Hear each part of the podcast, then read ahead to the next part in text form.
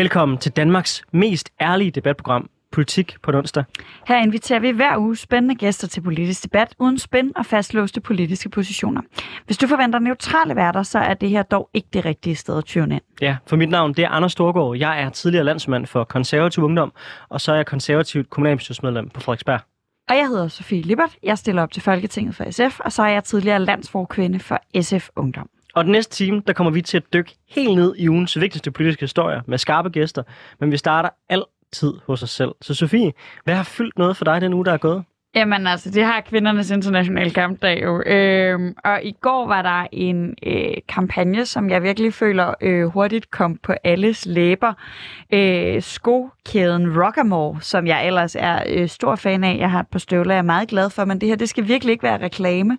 Fordi jeg synes, de ramte ekstremt skævt i deres... Øh, reklame for, hvad hedder det, øhm, for deres sko i går, hvor de havde fire af landets mest øh, magtfulde øh, direktører til at, øh, at posere i sådan et par glimmersko.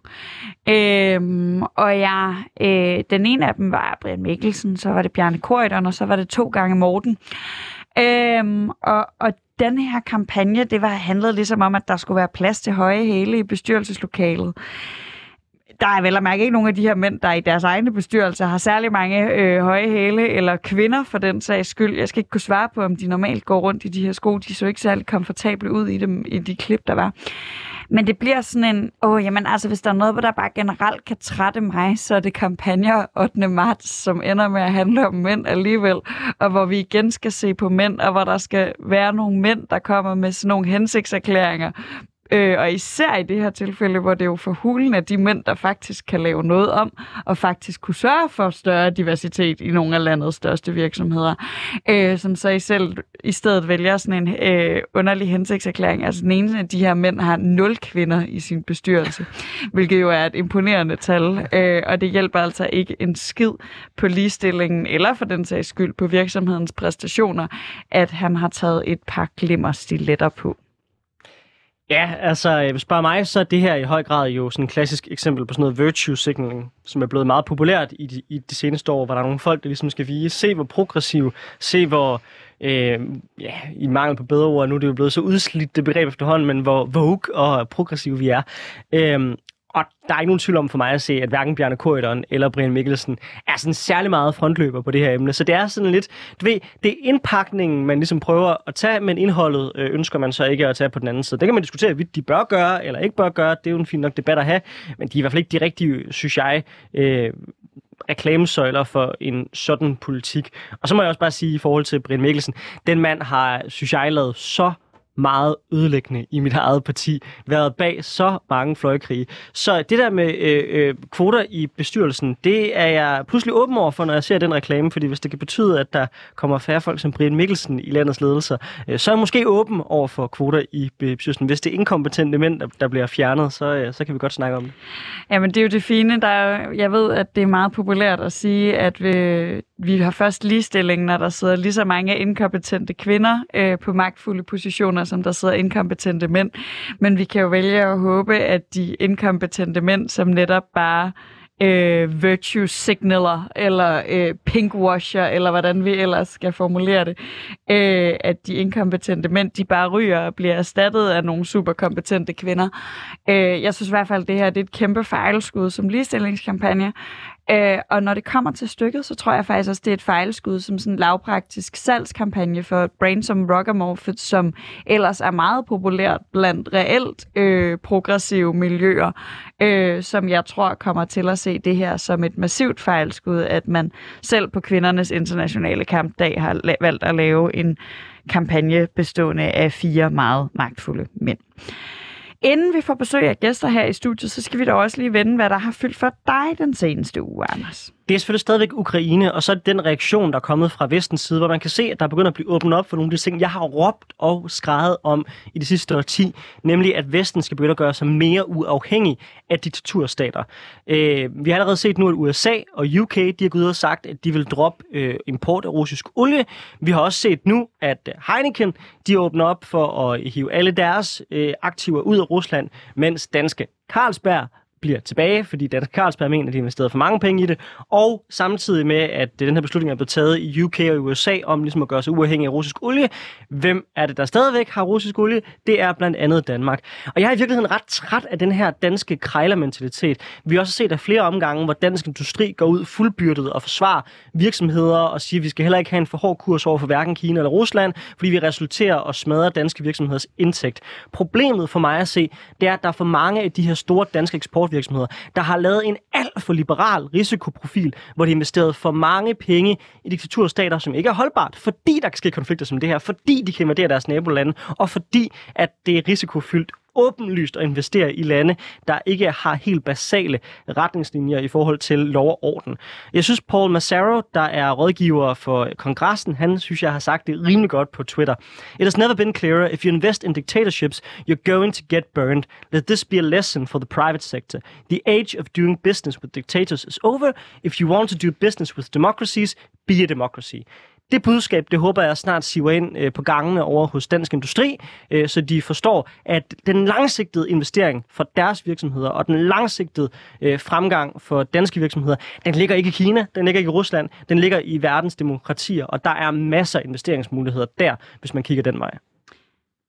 Mm, ja, det er jo sådan lidt svært at respondere på, fordi vi ved jo alle sammen godt, at jeg ikke er uenig, men jeg tror der, hvor Øh, der var det her, det bliver sådan, altså måske i tråd med det, jeg selv nævnte. Jeg er, er sindssygt meget nået dertil, hvor jeg forventer øh, altså langt fra the bare minimum af virksomheder.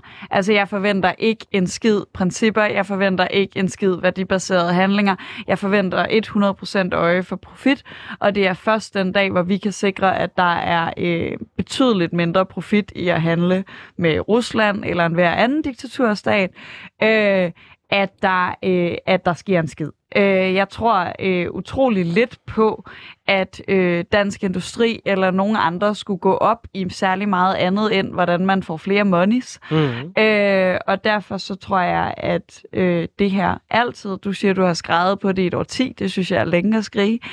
øh, men, men jeg tror, altså for mig at se, at det her jo bare sådan en, en klassisk øh, that's how the world works, og, og det er først, når vi står i en situation, altså det er først, når det er ved at være for sent, at virksomheder handler, for det er først der, hvor vi kan være helt sikre på, at det er et tab for dem.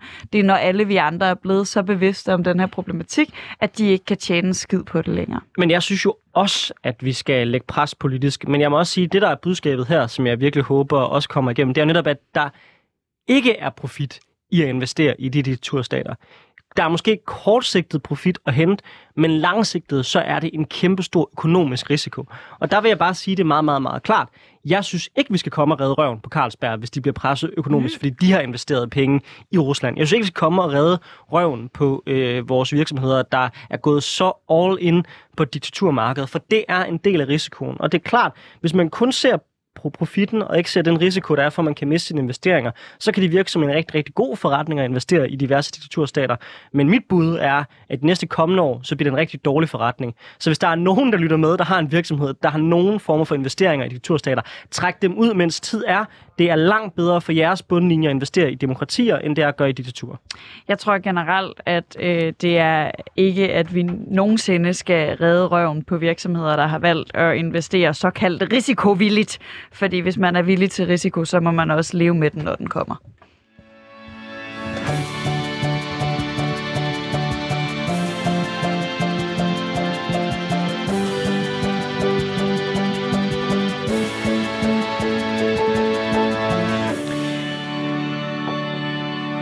Du lytter til Politik på en onsdag, og vi er ved at få gæster ind i studiet, men mens de lige finder sig til rette ved mikrofonerne, så kan jeg fortælle dig, at du selvfølgelig som lytter har mulighed for at deltage i debatten.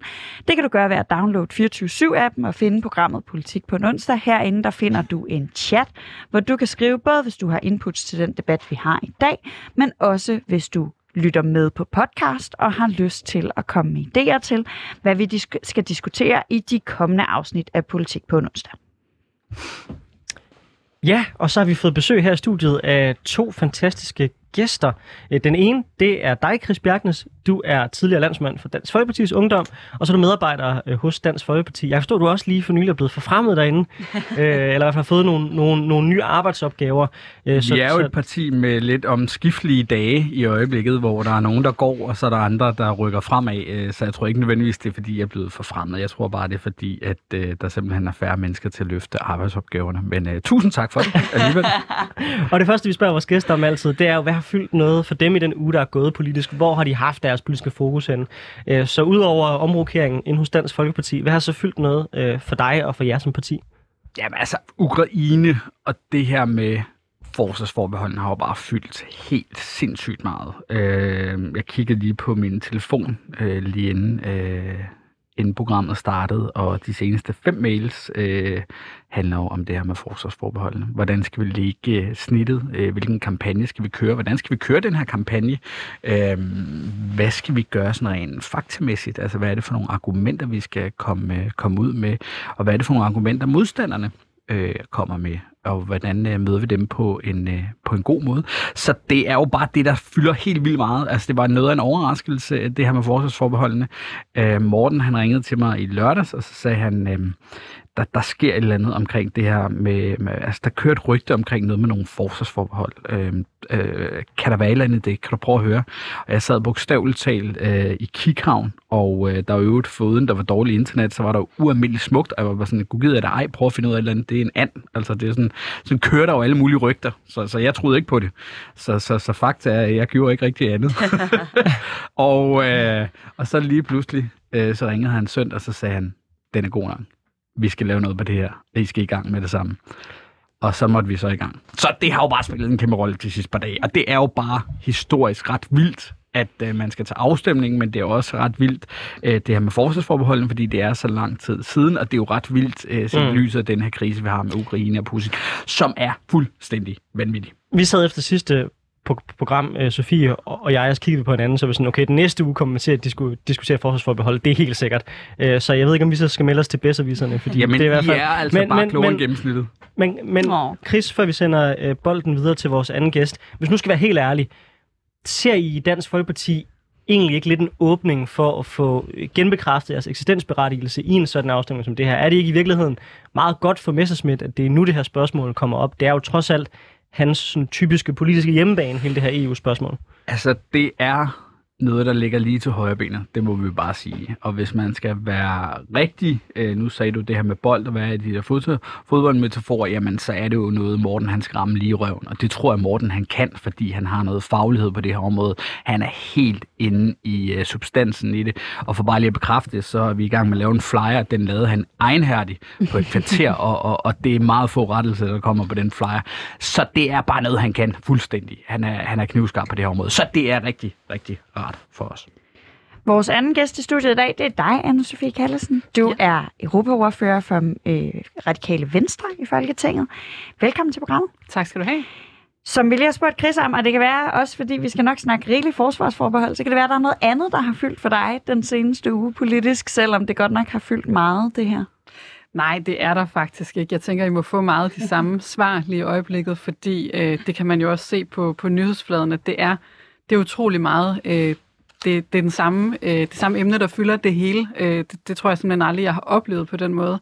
Øh, jeg var øh, på vej hjem fra en, øh, en ferie, en vinterferie i, i starten af sidste uge. Øh, og, øh, og da jeg var i lufthavnen i, i Frankfurt, der kunne jeg sådan se, hvordan det var sådan nogle syrede billeder, at folk sad og, ligesom, og stirrede på de her øh, nyhedsskærme på en helt anden måde, end, end man normalt gør, hvor man skal lige sidde og sige, Nå, hvad, hvad kører der der? Men der var sådan en intens interesse fra alle mennesker i den der lufthavn, fordi at der jo er krig i Europa, og man sidder og ser på, hvor er fronten henne nu? Øh, så det, det var ret vildt. Øh, så politisk er det selvfølgelig det samme. Øh, jeg, øh, jeg var også, øh, øh, altså vi kom jo med den her melding om, at vi ønskede en afstemning om forsvarsforbeholdet. Der vidste vi ikke, øh, at der ville lige bagefter øh, blive indkaldt til forhandlinger om det, og at det kunne landes så hurtigt. Så det, øh, Altså, det kom ikke ligesom... Jeg vidste lidt, lidt før øh, Chris gjorde, at der i hvert fald var forhandlinger, øh, og at det pegede hen mod, at man kunne blive enige. Og det øh, kunne jeg jo ikke fortælle øh, til nogen som helst, så det var... Øh, det var lidt øh, kedeligt, men selvfølgelig rigtig godt, at man så, synes jeg jo, kunne stå sammen i de her fem mm. øh, store partier om at beslutte det. Øh, så det har fyldt alt for mig. Men du har helt ret i, altså også særligt det her med Ukrainekrisen, der ligesom lægger sådan en bagtæppe. Altså jeg ved ikke med dig, men det første jeg gør hver, hver morgen, det er at åbne min Twitter for lige at se, om Kiev er faldet, mm. øh, for at se de folk, jeg plejer at følge, øh, hvad deres reaktion er, og hvad der er sket i løbet af natten. Altså det er jo noget, der ligger et bagtæppe. Ikke kun den diskussion, men jo, tror jeg, for os alle sammen lige nu. Ja. Altså det her, det er virkelig, tror jeg, rykket rundt på vores syn på, på verden. Har det forandret dit syn på øh, Europa og på, øh, hvad kan man sige, den demokratiske verden, det der sker lige nu i Ukraine? Øh, nej, det har ikke forandret mit syn på Europa og på Danmarks øh, behov for at stemple ind i, i EU. Øh, men det har gjort, at det er mere øh, akut, nærmest vil jeg sige, end før, at vi, øh, at vi kommer af med vores forbehold, både forsvarsforbeholdet, men også sådan vores, altså vores øh, Øh, nu tænker jeg, at vi vil selvfølgelig, der, det er jo ikke nogen hemmelighed, vi vil gerne have med andre forbehold også. Det kommer vi ikke nu her, det, det er ikke det, jeg står og siger. Men, men den der sådan forbeholdende tilgang til EU, som Danmark øh, har haft, og hvor vi jo så har set et skift fra, fra statsministeren på det seneste, øh, det har betydet, at, at man virkelig øh, på en anden måde, synes jeg, kan se behovet for, at vi placerer os selv i hjertet af Europa. Øh, og øh, og der, øh, der mener vi jo så bare øh, noget helt andet end, end Dansk Folkeparti, men det er jo der, at de der, kan man sige, grundlæggende forskelle på, hvordan man ser på verden, altså kan vi løse det, øh, eller løse. Øh, vi, vi er jo desværre ikke i en situation, hvor, vi, hvor det er en konflikt, vi sådan lige kan løse, men skal vi, hvordan, hvordan kan vi gøre noget? Er det ved at stå sammen? Øh, eller er det ved ligesom at tro på nationalstaterne øh, alene? Og, øh, og der mener vi, der er behov for et stærkt Europa øh, og et stærkt sammenhold. I forhold til det her med, med mediebilledet, fordi jeg er helt enig med dig i, altså vi har også, det her er det andet program, vi laver, der handler om, om, om krigen i Ukraine, eller vi har lavet flere, men, men bare sådan i streg. Vi kommer også til i næste time at snakke om krigen i Ukraine. Du siger det her med, at det, det er sådan en helt ny situation. Jeg synes på mange måder, der er mange ting, der ikke er paralleller til coronakrisen, men den her måde, hvor vi alle sammen kigger i den samme retning og taler om det samme, uanset hvilket selskab. Altså normalt, når man er aktiv i politik, som vi fire er, så er man vant til, at der er nogle mennesker, man snakker om politik med, og så er det ligesom nogle mennesker, der taler om alt muligt andet, og man er sådan, nå jo, almindelige mennesker taler ikke om politik hele tiden. Mm. Men lige meget, hvem jeg taler med for tiden, om det er min familie, om det er mine bedsteforældre, om det er øh, mine veninder, der øh, overhovedet ikke læser noget, der har noget med politik at gøre, aldrig har været aktiv i politik, så er det jo det her, man taler om meget på samme måde, som, som coronakrisen var, i hvert fald det første lange stykke tid. Øhm, og jeg kommer sådan til at tænke, altså det er fordi, jeg gerne vil se sådan en lille lyspunkt. Er der et eller andet positivt i, at vi har er rigtig gode til i Danmark, øh, og nok også mange andre steder, at have en fælles offentlig samtale om det her for en gang skyld. Altså, vi snakker faktisk om det. Vi, vi folk er faktisk bevidste om det. Det her er ikke, altså, så kan man kigge på, på, på Rusland, og også til en vis grad til, til selve Ukraine, og se fake news og polariserende historier, men i Danmark virker det til, at man faktisk har en enormt åben samtale, både Folketingets partier imellem, men faktisk også ude ved Herre Fru Danmark. Mm. Øh, kan, vi, kan vi prøve at se lidt positivt på, at det her er det eneste, vi taler om? Og jeg synes, det er svært øh, at se noget positivt i den virkelig forfærdelige øh, situation, vi står i i Europa, men jeg forstår øh, selvfølgelig godt, hvor du vil hen. Altså, vi må jo altid prøve ligesom at se på lyspunkterne, der trods alt er. Øh, og jeg, jeg har den samme opfattelse som dig af, at det jo på den ene side er syret, det der med, ligesom det var under corona, man er sådan, der er jo fandme nærmest ikke andet at tale om. Man føler ikke, det giver mening at åbne samtaler øh, om andre emner.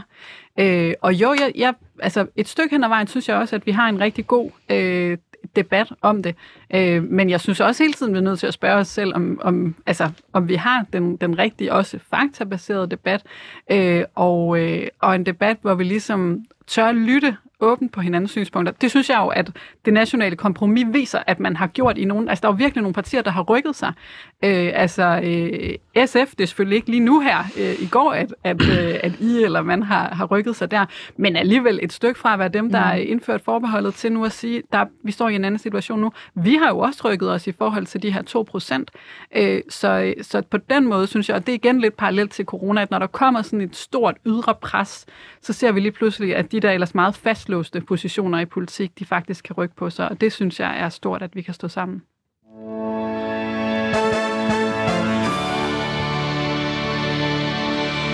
Du lytter til Politik på en onsdag med Anders Storgård og Sofie Lippert, og nu skal vi i gang med dagens debat. Vi har nemlig besøg af Chris Bjerknes, der er tidligere landsformand for Dansk Folkepartis Ungdom og medarbejder for Dansk Folkeparti, og så anne Sofie Kallesen, der er europaordfører og folketingsmedlem for det radikale Venstre. Den 1. juni, der skal danskerne igen til stemmeurnerne. For midt under krigen i Ukraine, så er Socialdemokratiet, SF, Radikale, Konservativ og Venstre gået sammen om at udskrive en folkeafstemning om det danske forsvarsforbehold. De fire danske forbehold øh, opstod efter 50,7 procent af danskerne i 1992 stemte nej til EU's Maastricht-traktat. Udover forsvarsforbeholdet, så har Danmark forbehold for overstatslig retspolitik, unionsborgerskab og euroen. Forsvarsforbeholdet er et forbehold mod, at Danmark kan deltage i EU's forsvarsmissioner. EU har ikke en decideret her, men har et samarbejde om frivillige fredsbevarende missioner, hvor EU's lande kan pulle soldater sammen om at løse opgaver. Flere af EU's lande er derudover gået sammen om fælles indkøb af våben. Beslutninger inden for EU's fælles forsvarspolitik besluttes i det europæiske råd, som består af medlemslandenes regeringsledere og besluttes enstemmigt. Intet land kan altså tvinges til at deltage i militære aktioner. Få beslutninger kan der tages ved kvalificeret flertal, for eksempel hvis det handler om militær-teknologisk samarbejde. Har Danmark overhovedet brug for EU's militære samarbejde? Eller kalder krisen i Ukraine på, at Danmark melder sig ind som fuldbyrdet medlem af det europæiske forsvar? Det spørgsmål diskuterer vi i dag i Politik på en onsdag. Anne-Sophie Kallesen, du er EU-ordfører for det radikale Venstre, og I var faktisk det første parti, der under krisen øh, foreslog, at Danmark skulle fjerne forsvarsforbeholdet.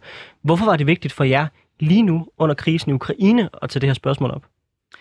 Det var det, fordi at øh, Europa og EU kommer til i den kommende tid at skulle tage nogle store beslutninger på meget kort tid.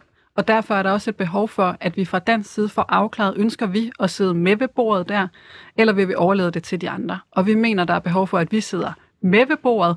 Det mente vi også før. Det, det skal jo ikke være nogen hemmelighed, men nu er der bare udsigt til, at vi kommer til i Europa at træffe de her store beslutninger.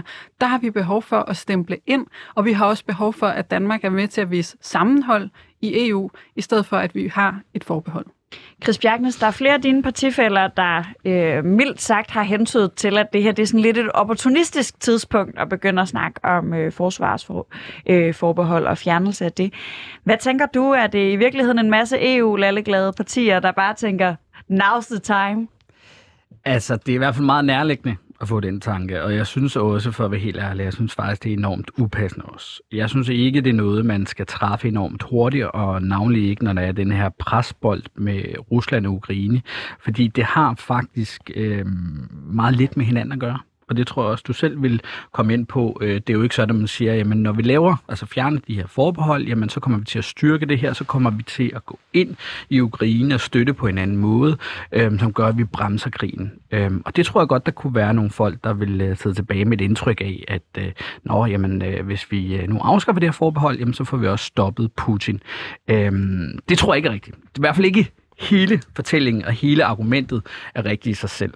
Øhm, så derfor synes jeg, det er en lille smule upassende, faktisk. Øhm, og jeg synes ikke, man skal... Altså, fordi jeg er sådan set enig i, at Europa står over for nogle store beslutninger, men jeg er uenig i, at man skal træffe dem enormt hurtigt. Jeg synes faktisk, det er sådan enormt vigtigt, at vi tager nogle grundlæggende samtaler om det her, og det er jo, hvilken retning vi skal i. Fordi lige nu har vi et stærkt NATO, det synes jeg i hvert fald. Jeg synes, det er vigtigt, at vi har NATO, hvor vores øh, militærdel den ligesom øh, ligger der. Øh, og det bliver bare for mig at se, hvis man også kører et EU-spor, jamen så har man to spor at køre i. Øh, og jeg tror, vi alle sammen kender det, at hvis man prøver at dygtiggøre sig til en masse ting, jamen så bliver man aldrig rigtig helt god. Jeg tror, det er vigtigt, at vi lægger alle æggene i en kurv. Og der er altså bare større tiltro til, at NATO kan løse opgaven, end jeg har til EU.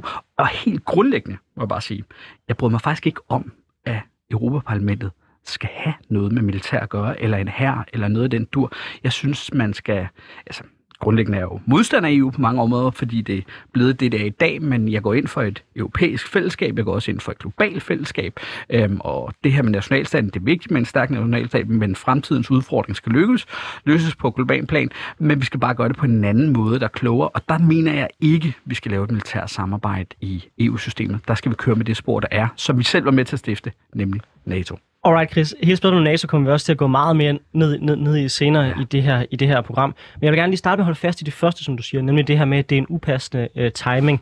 Ja. Uh, jeg formoder i Dansk Folkeparti, at tilhænger af, at man skal bruge 2% af BNP. Ja, det har vi uh, været længe. Og det, Minimum og det 2%. tænker jeg vel, heller ikke har nogen direkte påvirkning på krigen i Ukraine, som det er lige nu, så er det ikke fair nok, hvis man kører den præmis, og det er jo helt fair, at du ikke gør det, men hvis man nu mener, mm. at det, at vi har en trussel fra Rusland, gør, at vi skal rykke tættere sammen i EU og samarbejde mere, lige så vel som man fra den anden side mener, at vi skal bruge flere penge på vores forsvar og rykke tættere sammen på den måde, at det, det er jo i begge to responser på noget, der sker med Putin, og derfor er det vel ikke anderledes at sige, den her krise, der er lige nu, gør, at vi skal bruge flere penge på militæret. Det er jo også at bruge lejligheden til det, end det er at sige, den her krise lige nu gør, at vi skal bruge mere EU. Det er vel det samme, er det ikke? Jo, det er det sådan set. Altså, det synes jeg faktisk er et meget godt argument. Øhm, vi har heldigvis øh, altid gået ind for minimum 2%, og det har vi ligesom i talsat længe. Øhm, og jeg tror også, det er det, det er de radikale jo også gjort i forhold til EU-forbehold. Ja, det har de sådan set, og nu er de jo så også kommet på, på det her med de 2% til, til forsvaret. Men, men det, der bare er med til den her historiefortælling omkring det, det er jo, at jeg tror, at folk godt kan se, at uh, Ukraine er ikke noget NATO-land, men man er også på et tidspunkt blevet nødt til at forholde sig til, hvad man så kan gøre. Altså, Altså, kan Rusland bare blive ved, eller skal NATO regere alligevel også, fordi de ønsker at blive optaget i NATO? Og der er der jo bare noget i det her med, at vi bliver nødt til at have et stærkt forsvar. Dansk forsvar er, for at sige det lige ud, elendigt i dag. Vi er simpelthen ikke stærke nok til at lave nogle gode missioner og deltage i de missioner, der er rundt omkring i verden. Så derfor er det pinedød nødvendigt, at vi får styrket det. Og den her tidshorisont med 11 år, den er altså for at sige det, en våd klud i hovedet på alle europæer. Det er så ringe. Anne-Sophie Kallesen, øh, nu spurgte jeg, inden vi sådan gik i gang med at snakke om det her, øh, til det her med, om vi kan finde sådan et eller andet lille bitte lys i et eller andet øh, mørke her. Øh, der er nok nogen fra Dansk Folkeparti, det er ikke det, Chris siger, men jeg, jeg læser det i mange af de andre tweets, der ser det som om, at I har fundet en, en, en vej til at få en mærkesag, som, som åbenlyst er, har været fed for en Europaordfører for Radikale Venstre længe, ind lige nu.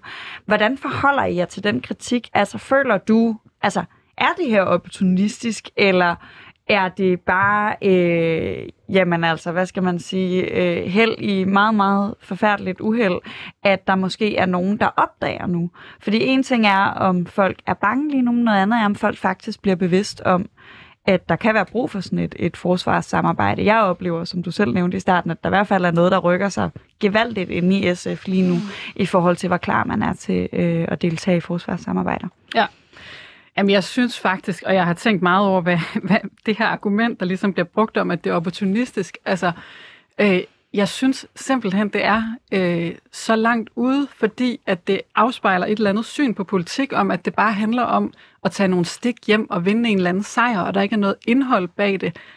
Og det synes jeg er ret vildt, især når det er noget så alvorligt som det her, vi diskuterer. Hvad skulle vores interesse i bare at få sådan et stik hjem være? Altså, det er jo, øh, det er jo virkelig blodig alvor, bogstaveligt talt. Øh, så nej, det her det er ikke noget, vi gør, fordi vi synes, det er en fed sag for radikale venstre. Øh, og det er ikke noget, jeg glæder mig over i den forstand. Det, jeg kan se er positivt, det er, at vi som sagt har nogle store partier, eller gamle partier kan vi også kalde dem, der har stået sammen om at kunne se alvoren i den her situation og tage ansvar for det. Så det synes jeg er godt, men jeg synes faktisk, at det her argument om, at vi skulle bruge en anledning eller splitte. Det, det synes jeg faktisk siger mere om, om, øh, om den, der afsender øh, det budskab. Altså jeres syn på politik må jo Men så være... Hvorfor har I valgt den her timing nu? Altså, I kunne have valgt efteråret, hvor man alligevel vil diskutere forsvaret. Altså, det har vi jo ligesom lavet op til sådan gennem starten af året her, men vi har alle sammen vidst, mm. at der ville komme en større forhandling til efteråret. Hvorfor har I så ikke ventet til efteråret? Fordi at der er, øh, altså der er udsigt til rigtig store øh, beslutninger i EU generelt Hvad er det for nogle i forhold beslutninger? til Jamen, det kan vi jo ikke vide endnu, og det er jo, nu siger du, øh, hvad kunne vi gøre i forhold så til vi træffer bare en, altså Hvis vi laver en lige må, øh, afstemning. hvis jeg lige må jeg, tale ud. jeg tror, jeg Øh, modererer over Altså, hvis man skulle øh, købe jeres argument, så skulle vi jo have sat alle forbehold til afstemning, hvis vi bare var sådan nogle EU-glade nogen, der sagt, fedt nok, nu kan alle bare se, hvor vigtigt det er med EU. Hvis der skulle det hele til afstemning, så skulle det være det, vi havde opfordret til fra radikal venstre side. Det har vi ikke. Vi har taget forsvarsforbeholdet, fordi der bliver truffet beslutninger om en styrkelse af øh, EU's sikkerhedspolitiske dimension. Det er ikke kun et spørgsmål Alright. om missioner, Men- det er men bredere, som jeg men hører- det kommer snart, og derfor kan vi ikke vente med en afklaring. Som jeg hører, Chris, så det han spørger om, det er, hvordan gør det, at vi fjerner forsvarsforbeholdet nu, Mm. Danmark mere sikkert, akut, på en måde, der ikke vil kunne vente eksempelvis til efteråret? Det gør, at Danmark kan blive en del af, hvis vi får afskaffet forsvarsforbeholdet, at vi kan sidde med ved bordet allerede fra øh, sommer. Og det, det gør os mere sikre, men det gør også, at vi tager et ansvar i verden. det er jo sådan set begge dele. Det er både et spørgsmål om vores egen sikkerhed, at vi stempler ind, og vi skal selvfølgelig have et stærkt NATO, det kommer vi til at snakke om om lidt. Det er et supplement, det her. Øh, og det er bredt, det er jo ikke kun Ukraine, selvom Ukraine følger alt lige nu, så tror jeg, at det her i EU bliver en anledning til, øh, øh, at stå sammen om at have en stærkere, nu har vi talt om den her forsvars- og sikkerhedspolitik, jamen altså siden jeg startede på, på statskundskabsstudiet, ikke? Øh, og sikkert også før det, men nu bliver det faktisk øh, til noget, og derfor så er der behov for, at vi stempler ind i det, øh, og det kan vi ikke vente år med. Chris Bjergens sidste svar i den her runde, øhm, altså er det jo ikke, er, er der ikke en pointe i, at så længe vi ikke er en del af for eksempel samarbejde om fredsbevarende missioner, så længe vi ikke er en del af samarbejde om øh, militær teknologi, som jo også er en del af det her, som kan være ret afgørende, hvis der potentielt bliver, bliver krig, men så står vi sværere sikkerhedsmæssigt. Og hvis hele Europa har samarbejdet om udvikling af militær teknologi, øh, så vil vi stå stærkere. Så kan du selvfølgelig godt mene, at resten af Europa burde bare melde sig ind i NATO, men, men der er vel en pointe i, at øh, en anden vej er også, at Danmark kan melde sig ind i det europæiske samarbejde på mm. det her spørgsmål. Jamen, det er, det, er, det er et helt færre argument, altså, og det er svært at argumentere imod i øvrigt. Øhm, jeg mener bare ikke, at det er den vej, vi skal gå. Altså, det her det er jo sådan set et valg, om man vil lægge sin æg i den kurve, der hedder NATO, eller man vil lægge sin æg i EU-kurven, eller som det ligger lige nu, at man simpelthen bare vil sprede dem i begge kurve, og det tror jeg bare ikke, vi vinder ret meget på. Og i øvrigt så vil jeg bare lige sige, jeg blev ikke klogere jeg blev simpelthen ikke klogere på det her med, hvad er argumentet for at tage beslutningen nu, og ikke i efteråret, hvor man ellers ville have haft forhandlingerne, og hvad er det for nogle store ting, der er til debat i EU-systemet, som er så pinedød nødvendigt, at vi skal afskaffe forsvarsforbeholdet mm. nu.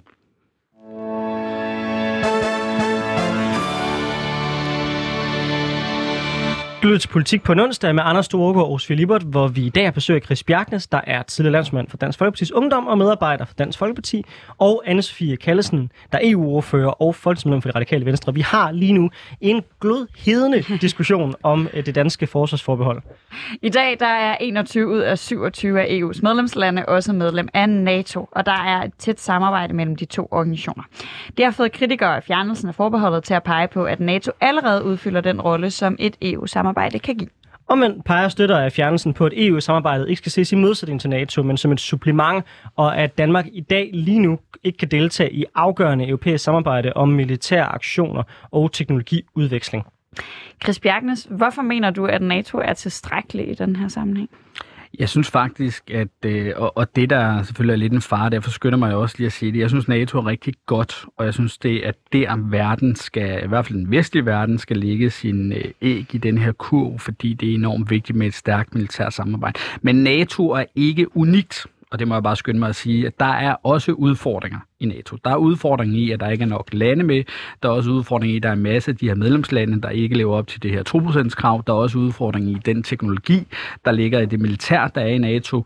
Øhm, og der er en masse ting, hvor vi også bare må sige, at de missioner måske ikke altid har været lige gode. Så der er masser af ting, man kan, kan kritisere NATO fra. Men det, der er vigtigt for mig, det er sådan set, at vi får et stærkt militært, som kan sikre de vestlige værdier, men også sikre fred i verden. Og derfor skal vi opruste for at få fred, og derfor er det vigtigt, at vi kommer op på de 2%, men det er vigtigt, at vi får styrket NATO. Og der, der kan man altså bare ikke blæse ham i munden. Og den her EU her, som nogen ikke så mange danske politikere taler om, men det er der jo rigtig mange i Europaparlamentet, der taler om. Hvis man begynder at køre på det spor, jamen så begynder man simpelthen at udvande NATO, og så må man simpelthen finde ud af, hvem skal være den store, stærke spiller. Skal det være NATO eller EU? Og det er jo færdigt at tage den drøftelse. Men bare lige så det bliver slået helt klart, også for lytterne, det er ikke muligt inden for de traktater, der er i dag, at lave en EU her. Det vil i så fald skulle kræve en ny folkeafstemning, hvor du så er mulighed for at stemme imod. Men Chris, Øhm, og det er heller ikke Europaparlamentet. Nu har du bare nej. sagt det to gange. Det er jo ikke Europaparlamentet, nej, der beslutter det her. Nå, men, men, Fuldstændig rigtigt. Men, men, men det er okay. jo sådan set ligegyldigt, Alright. fordi det er de samme politikere, der sidder dernede. Alright. Ursula von der Leyen.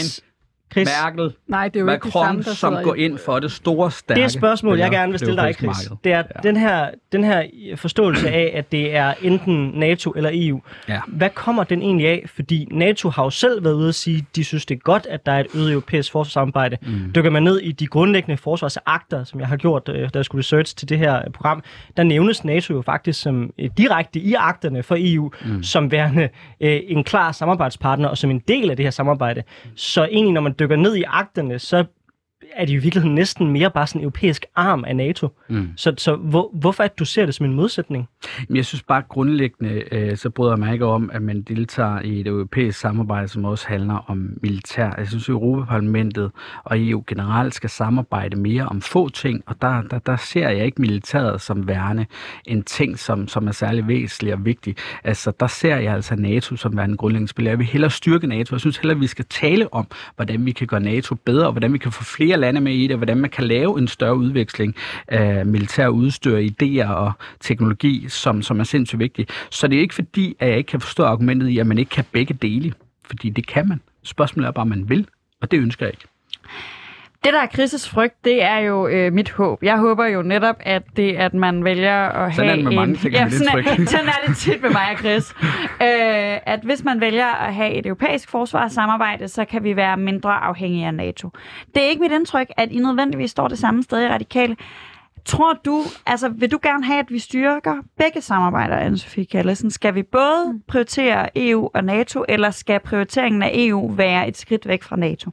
Det skal ikke være et skridt væk fra NATO, øh, men jeg er sådan set, øh, nu ved jeg ikke, jeg har ikke haft tid til at diskutere indgående med dig, men jeg er enig i, at vi skal ikke være lige så afhængige på samme måde, fordi det er jo et supplement, og derfor, det er jo det, som Chris egentlig siger, og nu synes jeg faktisk, vi er inde, inde ved kernen af, af uenigheden. Altså, skal vi lægge vores æg i begge kurve? Ja, det er det, vi mener, vi skal, fordi øh, at NATO er stadig et stærkt samarbejde, det vil det blive ved med at være, men vi må også erkende, at USA, som jo er det største land i NATO, ønsker ikke på samme måde øh, at være øh, verdens politibetjent. Jeg går der ud fra, så øh, nu har vi fået en ny præsident i USA, at vi stadig kan regne med dem i forhold til, til den pagt, vi har i NATO.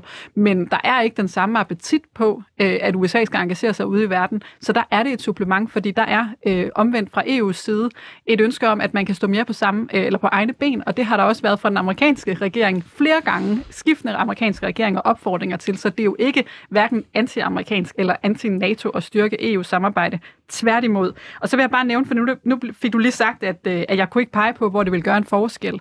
Øh, altså, der var øh, planer om at lave en træningsmission i Ukraine. Øh, den er så øh, blevet sat på hold nu på grund af krigen, men Danmark ville ikke have kunnet deltage øh, på grund af vores øh, forsvarsforbehold, sandsynligvis. Der er også, øh, tidligere har vi set, at da der var en NATO-styrke i Bosnien tilbage i 90'erne, mm. da, da det overgik til at være en EU-mission, så måtte danske soldater tage hjem. Øh, og der ville vi jo med et forsvars, øh, en afskaffelse af et forsvarsforbehold have mulighed for at tage stilling til, om vi ville blive. Vi ville ikke være tvunget til at blive, ligesom vi heller ikke var tvunget til at tage afsted med NATO. Men vi ville kunne have mulighed for at blive. Og det er jo det samme i fremtiden. Altså nu må vi jo, vi håber jo alle sammen, at det på en eller anden måde ender godt i Ukraine. Øh, og øh, lad os nu sige, at der engang skal være en fredsbevarende mission der. Øh, jamen altså, så, øh, så har vi jo sat os selv uden for mulighed for at være en del af det igennem et EU-samarbejde. Og det er jo det, det her handler om. Det handler ikke om, at nogen... Øh, at der kommer en EU her, eller et Europaparlamentet, som du har nævnt flere gange. Ja, der er forskellige holdninger i Europaparlamentet. Det er der jo på alle mulige spørgsmål. Men det er rådet, der beslutter, øh, og det er, danske, øh, det er den danske regering, og det er Danmark, der vil have mulighed for at sige til eller fra på de enkelte missioner. Men vil I gerne i det radikale venstre have en EU her på sigt? Altså, er det det langsigtede mål for jer? Det er det ikke. Det er ikke en, øh, en EU her øh, på den måde, at man ikke stadig har øh, suverænitet. Og nej, vi har ikke noget mål øh, om, at EU skal... Vi har et mål om, at EU skal have en styrket forsvars- og sikkerhedspolitisk dimension, men ikke, at der skal være en EU her. Vi Det har et mål om, at EU er skal løse mere fordi- på cyber, på, øh, på rigtig mange andre spørgsmål omkring sikkerhed. Øh, men det er ikke fordi, at vi lige pludselig er blevet stærke tilhængere af, at vi skal... Øh, ud på alle mulige militære operationer, men vi skal have mulighed for, og der vil der være nogle af dem, som vi vil sige ja til, øh, under, øh, under et EU-flag, kan man sige, men det er jo stadigvæk mulighed for, at vi siger ja eller nej hver gang. Det synes jeg er interessant, fordi da Lissabon-traktaten i dens allerførste øh, udgave kom ud, der var det jo med diskussionen og et bud på, at man skulle have et sted EU her. Og dengang var I ret øh, åbne over for den idé. Øh, hvis Macron han kommer i morgen og siger, at vi skal have en afstemning, vi skal have en ny traktat, der skal stå, at EU skal have mulighed for at kunne øh, have deres egne tropper, de råder over. Altså ikke, at man nedlægger de nationale hære, men at EU får deres egen her, hvor øh, øh, landene så hver især øh, leverer nogle tropper til den her, som så er under kommando fra EU. Vil I så stille jer imod?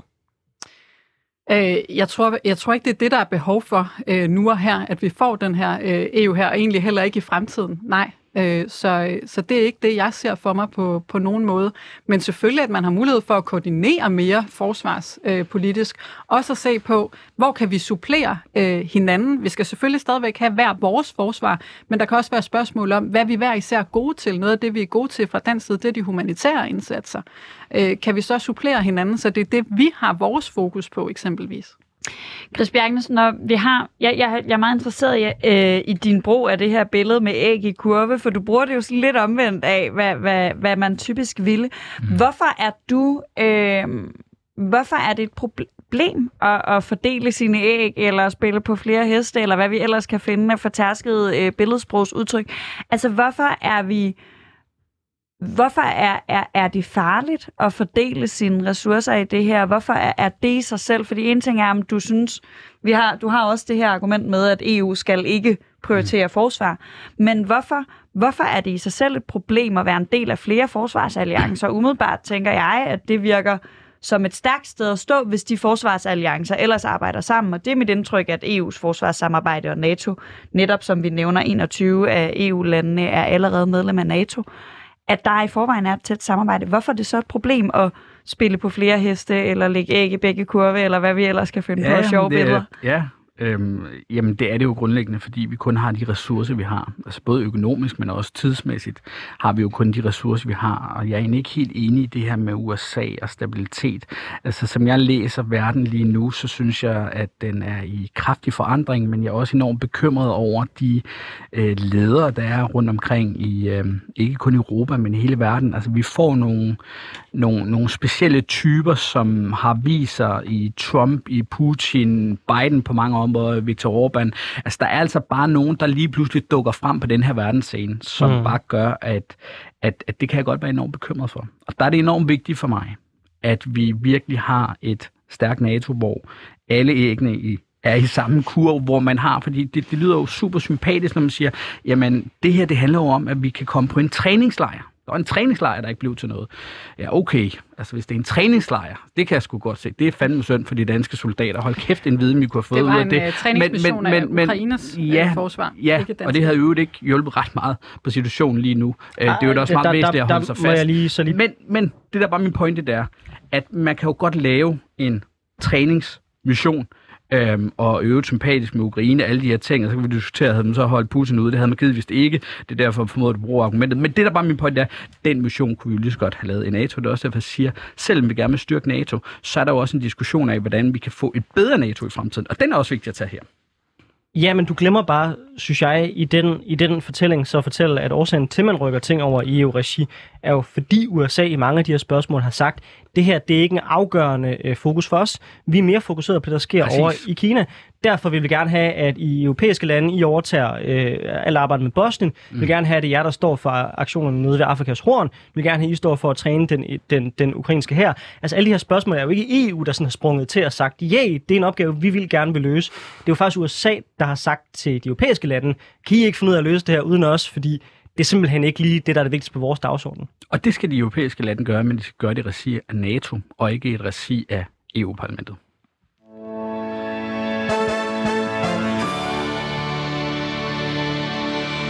Du lytter til Politik på en onsdag med Anders Storgård og Sofie Lippert, og vi har i dag besøg af Chris Bjergens, der er tidligere landsformand for Dansk Folkepartis Ungdom og arbejder for Dansk Folkeparti i dag. Og så har vi besøg af Anne-Sophie Kallesen, der er EU-ordfører og folketingsmedlem for det radikale Venstre. Det er jo ikke første gang, at danskerne skal stemme om EU-forbeholdene. I år 2000, der stemte øh, 53,2 procent af danskerne nej til euroen, og i 15 stemte 53,1 procent af danskerne nej til afskaffelsen af retsforbeholdet. Alligevel peger målinger lige nu på, at ja-siden er foran. En måling foretaget af Megafon peger på, at 49 procent af danskerne støtter afskaffelse af forbeholdet, mens 27 procent er imod. Der er stadig 23 procent af danskerne, som mangler at beslutte sig, så afstemningen kan sagtens blive tæt. Anne-Sophie Kallesen, hvad får dig til at tro, at danskerne denne gang vil gå med til mere EU? Vi har også set, at danskerne ofte har stemt meget EU-skeptisk i folkeafstemningerne, og at det er blevet ja, altså meget tættere, end de første målinger har vist hver gang. Mm. Øh, grunden til, at jeg håber, at danskerne vil stemme ja, det er fordi, at vi står i en anden situation, og det tror jeg, at mange altså, øh, mennesker virkelig kan se, at der er behov for, at vi rykker sammen i bussen nu, og at vi træffer nogle andre valg. Øh, det er også derfor, vi igen har kunne rykke os i flere af partierne, både på spørgsmålet om 2%, og nogen har rykket sig på spørgsmålet om forbeholdet. Regeringen har rykket sig der. Øh, og det tror jeg også, at mange danskere vil, vil have den samme øh, evne til, øh, eller lyst til. Det er jo ikke så meget en evne, men, men nogle gange kan det jo være svært, at man kan tænke, jamen øh, det er egentlig intuitivt øh, imod. Hvorfor skal det være sådan? Jeg kan i hvert fald høre, at Chris blev ved med at tale om Europaparlamentet, de skal ikke have noget at gøre med forsvar. Øh, så, så nogen øh, flytter sig jo ikke, men jeg tror, at mange vil kunne se, at vi står et andet sted nu, og der er behov for, at vi kan stå sammen. Chris Bjergnes, øh, jeg tror faktisk, jeg vil betegne mig selv som en slags EU-svingvælger. Øh, jeg er godt nok øh, tilhænger af EU, øh, men jeg stemte nej til retsforbeholdet. Du er halvradikal. Det mener jeg ikke. Jeg stemte nej til afskaffelse af retsforbeholdet, ja til øh, patentdomstolen, øh, og tror jeg, som det ser ud lige nu, ret klart regner med at stemme ja øh, til afskaffelse af forsvarsforbeholdet. Øh, hvad, hvad kommer jeres kampagne til at lyde på? Hvordan kommer I til at prøve at overbevise folk som jeg, der måske er nogle af dem, der nogle gange sådan lige kan ligge, ligge lidt på vippen på de her spørgsmål? Jamen, det er jo noget, vi egentlig lige nu, det var også det, jeg startede med, kigger ind i, hvad, hvordan er det, vi skal angribe det her på, på, på, på en rigtig måde. Øhm, og der er jo noget rent lavpraktisk i, at man har jo, eller lad mig starte, starte et andet sted. Min yndlingspolitiker er jo Jens Otto Krav og øh, han var ikke fejlfri, og han startede også med det her EF-samarbejde. Og det viser sig jo at være markant anderledes, end, øh, end det han gik ud fra, øh, da vi ligesom indgik i det. Og det, det, det bliver nok også en rød tråd i, at det lyder meget sympatisk, når der er folk, der siger, at det her det handler om de her få ting, det handler ikke om en EU her, det handler ikke om de her ting. Så der kommer jo til at være et fokus på os, til også at kigge ud i resten af Europa og sige, okay, hvad er det, Ursula von der Leyen har sagt? Det har vi fundet noget fakta på. Hvad er det, Macron siger? Hvad er det, Merkel siger? Og det er jo ikke fordi, altså, jeg synes jo, at Danmark er sindssygt stærke. Altså, men, men jeg har svært ved at forestille mig, at på den lange bane, at vi kommer til at overtrumfe Macron, Merkel, Ursula von der Leyen og mange andre stærke øvrigt også, hvor man for din egen gruppe øh, nede i parlamentet, som også har været inde på det her med en EU her. Så det her, det bliver en faktakrig på mange områder, hvor vi ligesom siger, man skal være opmærksom på, at hvis man stemmer øh, for at afskaffe det her, så kan der altså ske det her. Dermed ikke sagt, at det er det, der er ønsket for de danske politikere. for det tror jeg ikke nødvendigvis, det er. Men der er jo en risiko for, at det bliver presset ned på en anden måde. Men så det tror jeg er enormt vigtigt lidt fakta, viden i det. Fordi der er jo lige præcis ikke nogen, der trumfer her. Altså det er jo, og du bliver med at tale om parlamentet, det her det er et mellemstatsligt samarbejde, hvor regeringerne mm. har mulighed for at sige til eller fra. Og hvis du gerne vil påvirke, at det ikke bliver en EU her, hvis du gerne vil gå imod det, Macron siger, så skal du jo lige præcis sætte dig med ved bordet så skal du ikke stille dig over i hjørnet og sige, så må I bare finde ud af, hvad det skal blive til i EU. Vi vil bare ikke være en del af det, no matter what. Vi vil ikke have mulighed for at sige ja eller nej så skal mm. du jo påvirke, hvilken retning det skal gå i. Chris, er det bedre, hvis der er en... Hvis nu vi leger i det her øh, scenarie, som jeg hører jo både fra, fra jeres fløj, men jo også fra folk, jeg normalt er meget enig med. Folk fra enhedslisten er jo også øh, bange for den her EU her. Men er det bedre, hvis der kommer en EU her, Danmark ikke er en del af, end hvis der kommer en EU her, Danmark er en del af? Det er et godt spørgsmål. Det er også et spørgsmål, jeg stiller mig selv. Øhm, jeg kører jo ikke argumentet omkring det her med, at det er bedre, at man sidder med ved bordet, og så kan få lov at sige fra for det. Altså, hvis man ikke ønsker at spise junk food, skal man ikke sætte sig ind ved bordet på McDonald's, så skal man nok gå forbi restauranten men det er vel, og så fakt- finde noget men det er vel faktuelt korrekt, at hvis Danmark er med i forsvarssamarbejdet, så mm. har vi vetoret, hvis det skal ja, udvikle sig til en EU her. vi har mulighed for at påvirke det. Det er, altså, det, det, det er indiskutabelt. Altså, det er fuldstændig Jamen, Vi har vetoret i så fald over, at det kan blive til en EU her. Enig fuldstændig okay. enig i det. Altså, så, så det, det, det kan man ikke argumentere imod, men, men et er, hvad politikerne lige nu vil. Altså noget andet er, hvilken politiker der er om 10 år, og hvordan verden er om 10 år. Øhm, og så kan det jo godt være, at der sidder nogle politikere med et andet flertal, der siger, okay, det vil vi gerne. Så dem, der bliver spurgt, de får ikke nødvendigvis det, som man så har regnet med. Men det er jo så ikke rigtigt, fordi så skal, så skal der være en folkeafstemning mere. Hvis man laver det sted EU her, mm. så er det en traktatændring. Det vil mm. betyde, at der skal være en ny afstemning.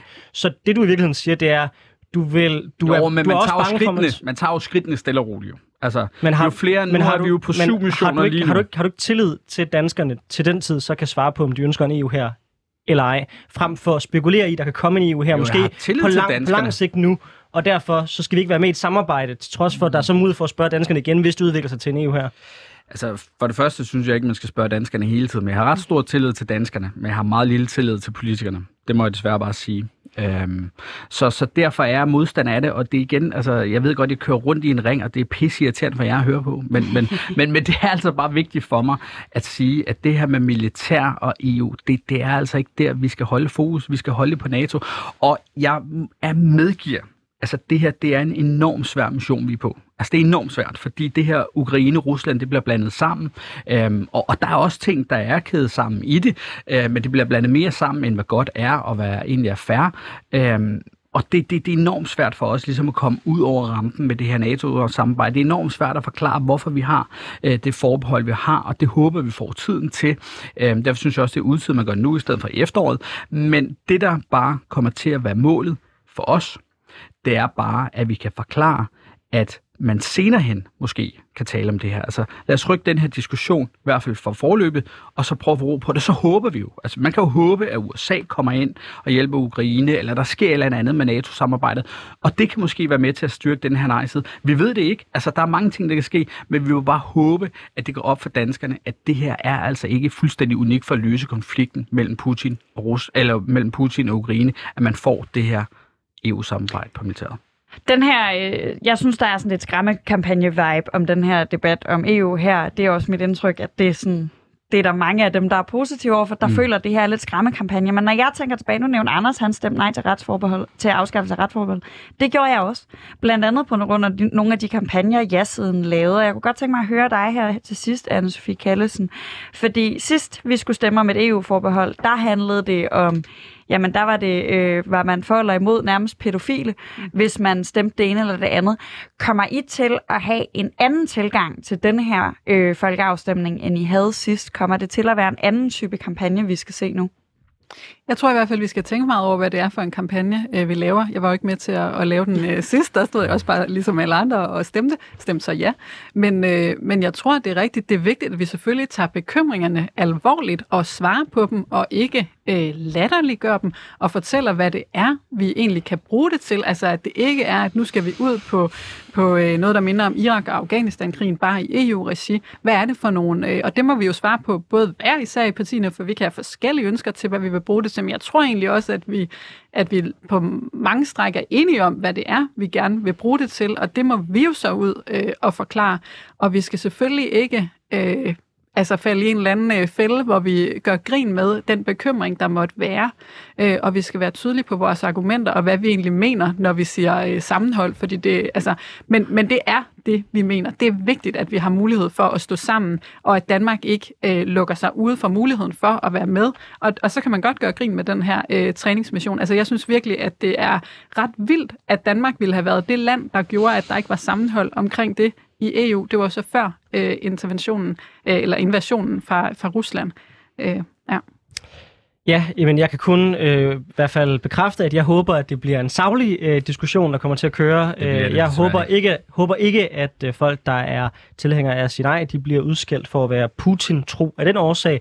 Jeg håber så også, Chris, at øh, det der med at hive nogle citater ud fra nogle enormt pro-europæer ud af kontekst, mm. og så fremstille som om, det er det, det, afstemning handler om. Det håber jeg så heller ikke vil være jeres kurs, for det, det synes jeg heller ikke er super savligt. Men Tusind tak, fordi I begge to var med øh, i det her program. Tak til dig, øh, Anne øh, Kallesen, øh, Anne-Sophie Kallesen, der er EU-ordfører øh, for det radikale venstre. Og også tusind tak til dig, Chris Bjergnes, øh, tidligere øh, landsformand for Dansk Folkepartis Ungdom og nuværende medarbejder hos Dansk Folkeparti. Tak fordi I var med. Hvis man syntes, at den her debat den var spændende og gerne vil høre mere politisk debat, så kan man altid finde alle afsnit af Politik på en onsdag på sin foretrukne podcastplatform. Øh, og der kan man altså øh, lytte til debatter om hvad som helst. Vi er selvfølgelig tilbage her, hvis du lytter med live, lige på den anden side af nyhederne.